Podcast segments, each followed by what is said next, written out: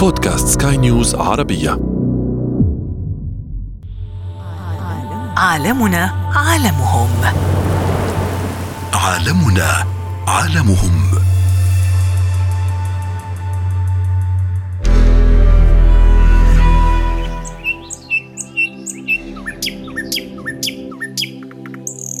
أثناء متابعتي للحياة البرية عبر التلفاز لفت نظري مشهد لحيوان الأليف وركزت بشدة على سلوكه عندما ظل يفكر محاولا الوصول إلى لعبته المفضلة التي تثير ضجيجا في المنزل. ووضعتها في مكان عال ووجدته يحرك كرسيا محاولا الصعود للحصول على لعبته وبإمعان النظر والمراقبة لسلوكه أحضر وسادة ليصعد محاولا التقاط اللعبه وفشلت التجربة وحاول مرة أخرى إلى أن وصل إلى لعبته وبالفعل نجح. إذا فكر وحاول وجرب، هل يتمتع بذكاء؟ وما هي نسبة ذكائه؟ هذا السؤال لن يكون مقتصرا على الحيوان الأليف بل على كل الكائنات. في محددات للذكاء، المسؤول عن الذكاء أساسا المخ. المخ اللي هي الخريطة اللي بتتحكم في جسم الكائن أو اللي هو الحيوان كأنها خبراء في أرصاد بيشوفوا الأرصاد بعض الطيور أثناء الهجرة لو في غيامة في السماء وملبد الجو بالغيوم توقف الهجرة. يعني بتقف على الأشجار. ليه؟ لحد ما الجو يتحسن. طول ما الوزن في داخل البيضة بيبعت إشارات للأم اللي راقدة على البيض. بيتواصل معاها. يطلع أصوات الأم تعرف صوت الصغير داخل البيضة والصغير يعرف صوت الأم وهو جوه البيضة. في الغربان وطيور العقعق الطيور دي بتدفن موتاهم وبتعمل جنازة كأنه عزاء كبير لما يموت حد منهم. عالمنا عالمهم. وهنا نطرح سؤالا يأخذنا لموضوع الحلقة. هل يفكر الحيوان وما نسبة ذكائه وما هو الذكاء في الكائنات الحية؟ سيجيب أستاذ سلوك الحيوان الطبيب البيطري الدكتور عصام عبد الجواد في محددات للذكاء. المسؤول عن الذكاء أساسا المخ. المخ اللي هي الخريطة اللي بتتحكم في جسم الكائن أو اللي هو الحيوان. المخ بيبقى فيه وسائل للإدراك في مراكز. المراكز دي كل جزء مسؤول ده مركز للسمع موجود فيه اللي هو الحيوان في مركز للشم مركز التوازن في المخيخ في مركز اللي هو الإدراك والعواطف وهذه المراكز هي المتحكمة. يبقى إيه؟ المخ هو اللي هو الخريطة اللي بتتحكم في ذكاء الحيوان. هو حجم المخ كمان بيأثر. يعني بنشوف مخ الإنسان مع الحيوانات الثانية مقارنة حاجة اللي هو اللي هو اختلاف حجم المخ ووزنه بيأثر إن هو في نسبه بين حجم المخ وحجم اللي هو الكائن. التعاريج الموجودة في المخ اللي هو بيسموها جيراي وصلقاي بتوع التشريح دي مسؤولة عن الذكاء. هذه التعاريج مسؤولة عن الذكاء في الكائنات اللي هي المختلفة. في مراكز موجودة في مخ الإنسان مش موجودة عند الحيوانات. عشان كده اللي هو أرقى الكائنات اللي موجودة على ظهر الأرض في ذكائها هم البشر. في مملكة الحيوان الإنسان على القمة في مجموعة من الكائنات اسمها شد اللي هو الرئيسيات أو ال primate اللي هي بتضم الإنسان وشبيهاته. شبيهات الإنسان اللي هو القردة والشمبانزي والغوريلا والإنسان الغابة وكل الأنواع دي كلها من نفس عيله اللي هي الإنسان. الإنسان هو جنس واحد يعني هو البشر المجموعة بيسموها ال Homo sapiens يعني ما فيش غير جنس الانسان عيلة واحدة بس. بعدين اللي هو القرده بتليه برضه في اللي هو الذكاء والتركيب بتاعه. في مركزين موجودين في المخ بالنسبة للإنسان مش موجودين في الحيوانات. في مركز اسمه بروكا مركز منطقة بروكا center أو area أو باحث بروكا العالم اللي اكتشفها. والمركز الثاني اسمه فيرنيكا center أو فيرنيك center. المركزين دول هم مسؤولين عن عن الكلام مش موجودين في عالم الحيوان. وسط أصوات متناغمة بين الطبيعة والكائنات في البرية ترفرف الطيور على أغصان الشجر ونسمع حركات أوراقها كأنها أنغام موسيقية ويعلو صوت زئير الأسد ونسمع صوت هروب الفريسة بدهاء. وهذا يطرح نفس السؤال كيف فكر الحيوان المفترس والفريسة بذكاء؟ للانقضاض على فريسته وكيف فكرت بالهرب؟ كيف استخدم هذا الذكاء ليتكيف مع البيئة؟ برضه قدرة الحيوان على التواصل. يعني في حيوانات عندها بتستخدم لغة بتستخدم إشارة استخدام المهارات بتاع الإيدين. في حيوانات بتجيد استخدام اللي هو الأدوات. آه، زي القردة وعندنا برضو النسر وغيره والحاجات دي كلها. عشان كده اللي هو العلماء قالوا برضو يعني غير المنصف إن أنا أقارن بين ذكاء حيوانات دون يعني إن أنا أحط في اعتباري القدرات على استخدام الأدوات. في حيوانات ما بتقدرش تستخدم الأدوات يعني زي غيرها. عشان كده المخ بي- بي- بيأثر على الذكاء. قدرة الحيوان على التعلم اللي بيسموها educability. يعني عندنا الحيوان يقدر يتدرب ولا لا؟ يقدر يتعلم إزاي يكتسب مهارات جديدة؟ عندنا الكلاب ده على أعلى رتبة. في الحيوانات في اللي هو بعد القردة والشمبانزي اللي هو الكلب بدربه شوف بيقوم ب- بتحياتنا إيه ده؟ بيكشف عن المخدرات ده كلب للأعمى ده كلب كلب للمعوق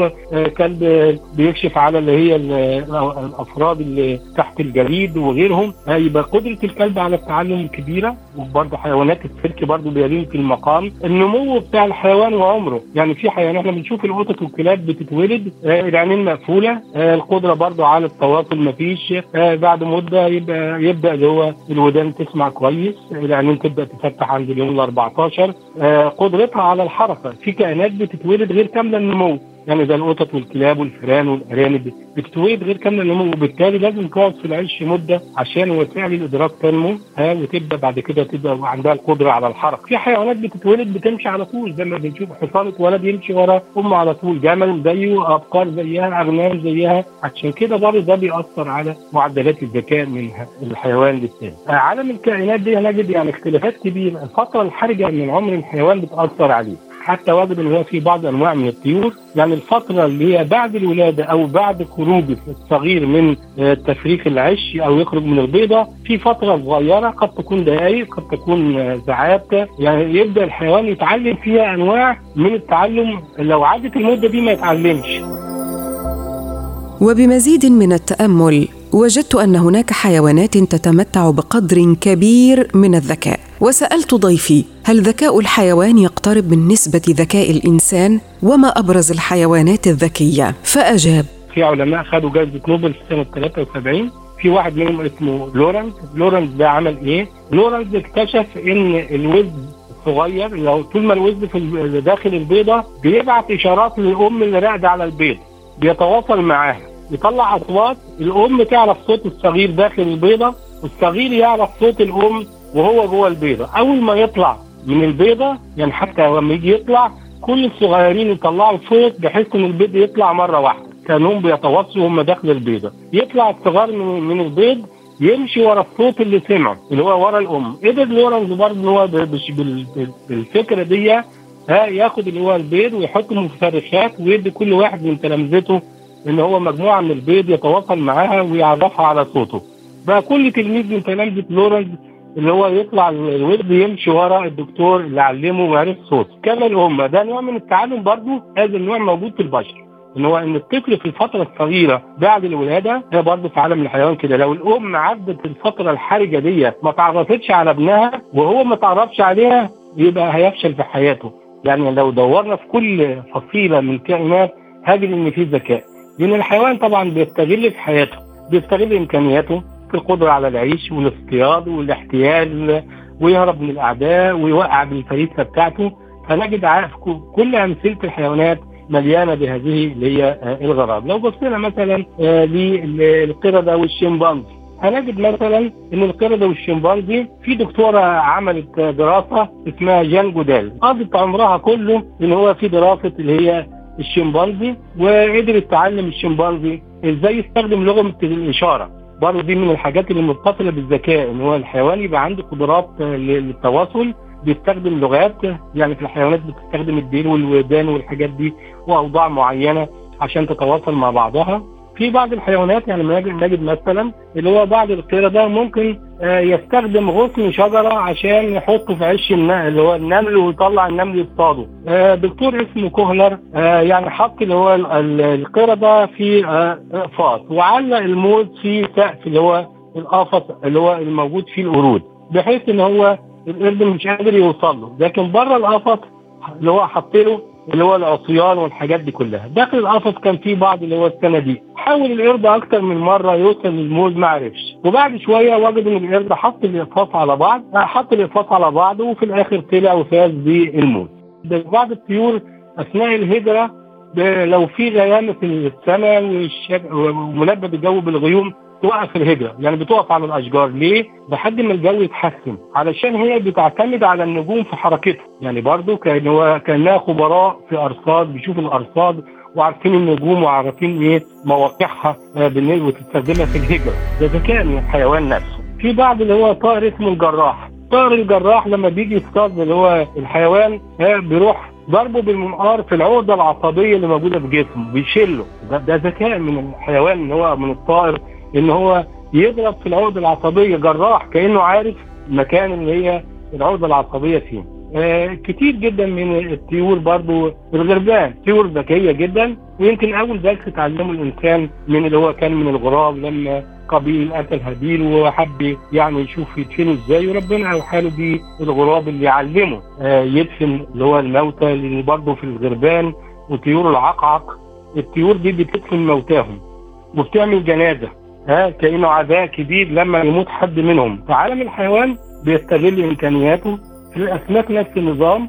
في سمكة اسمها ارشل فيش. ارشل فيش يعني السمكة اللي بتضرب السهام. السمكة داخل المية والحشرة موجودة على فرع شجرة فوق وتروح السمكة دي اطلقه رصاصات من المية تبدأ تبل اللي هو الحشرة وتقع في المية وتصطادها. الأسماك اللي هي بتعمل تمويه داخل البحر وتتخفى عن الاعداء أو يبقى ليها جزء من اللي هي الفم على شكل دودة السمكة بتكمن في الخفاء في المحيط أو غيره وهي تتشابه معاه وتيجي العدو تلتقط بسهولة. جميع الكائنات اللي ربنا خلقها آه، بتستخدم اللي هو ذكائها في في الحياة بتاعتها في العيشة، التمويه موجود اللي هو أو اللي هو الأخطبوط. وحبار هو آه، يجي اعدائه يجروا وراه آه، عشان يصطادوه يروح طالع هو كتلة من الحبر عليهم تغير المية يفقدوا اللي هو تتبع. التمويه عند البرمائيات وغيره والألوان اللي بنشوفها في عالم الحيوان حمر الزرد أو اللي هو اللي هو الحمار الوحشي ألوانه البقع اللي على الحيوانات ساعات الحيوان تستخدم الألوان الزاهية علشان تقول لاعدائها إن أنا مثلا طعم مر إن أنا سامه زي الضفادع السامه وغيرها عشان كده كل ده ذكاء. حتى برضه دفاع الحيوانات عن نفسها والأسلحة اللي ربنا اداها لها ده برضه يقدر نحطه في اللي هو سلسلة ان ده من من الذكاء. فجميع الكائنات اللي بتصطاد وبقدراتها برضه بتعتمد على الذكاء والحيل والدهاء. عندما نتابع عالم الغابات نرى حيلا كثيره يستخدمها الحيوان من أجل الحصول على طعامه. وسألنا الضيف أيضا كيف استفاد الإنسان من ذكاء الحيوان ومن تعاملها مع البيئة. الإنسان تعلم من الحيوان إزاي يستخدم مثلا الرادار اللي هو بيستخدمه الخفاش فصنع الرادار في الحرب العالمية. آه الإنسان شاف البطريق بيتزحلق على الجليد فعمل التزحلق على الجليد والتزحلق على الماء. الإنسان شاف الضفدعة بتعيش في البر والأرض فبدأ يعمل الدبابة البر مائية. شاف الطيور بتطير بالجناح عمل الطيارة ف90% من اختراعات الإنسان وابتكاراته هو أساسا فكرة استقاها من عالم الحيوان سواء في الدفاع عن نفسه. بنشوف الجنود في الحرب لابسة لبس عليه بقع آه لبس الصعقة آه لو لو العسكري أو الجندي بيحارب في صحراء يبقى لون البدلة بتاعته اللون الأصفر غالب عليها. لو بيحارب في أرضية خضراء آه بيستخدم البقع الخضراء اللي موجودة دي البدل اللي هو لابسها عشان كده ده نوع من التمويه بتاع الحيوانات. فكل حياتنا بنتعلم دايما من الحيوانات في حياتنا. وضحت الصورة تماما عن هذا العالم الذي يشبه عالم الإنسان بشكل كبير. نشكرك جزيل الشكر دكتور عصام عبد الجواد أستاذ. سلوك الحيوان شكرا جزيلا لك. عالمنا عالمهم. عالمنا عالمهم. حيل ودهاء وذكاء تختلف من كائن لآخر مفترس وفريسة في عالمهم وباختلاف درجة ذكائهم يتكيف مع البيئة نعرضها في عالمهم اليوم الذي ينعكس على عالمنا. كان معكم في الإعداد والتقديم لبنى الخولي وفي الإخراج إيدي طبيب. انتظرونا في عالمنا عالمهم. عالمنا عالمهم. عالمنا عالمهم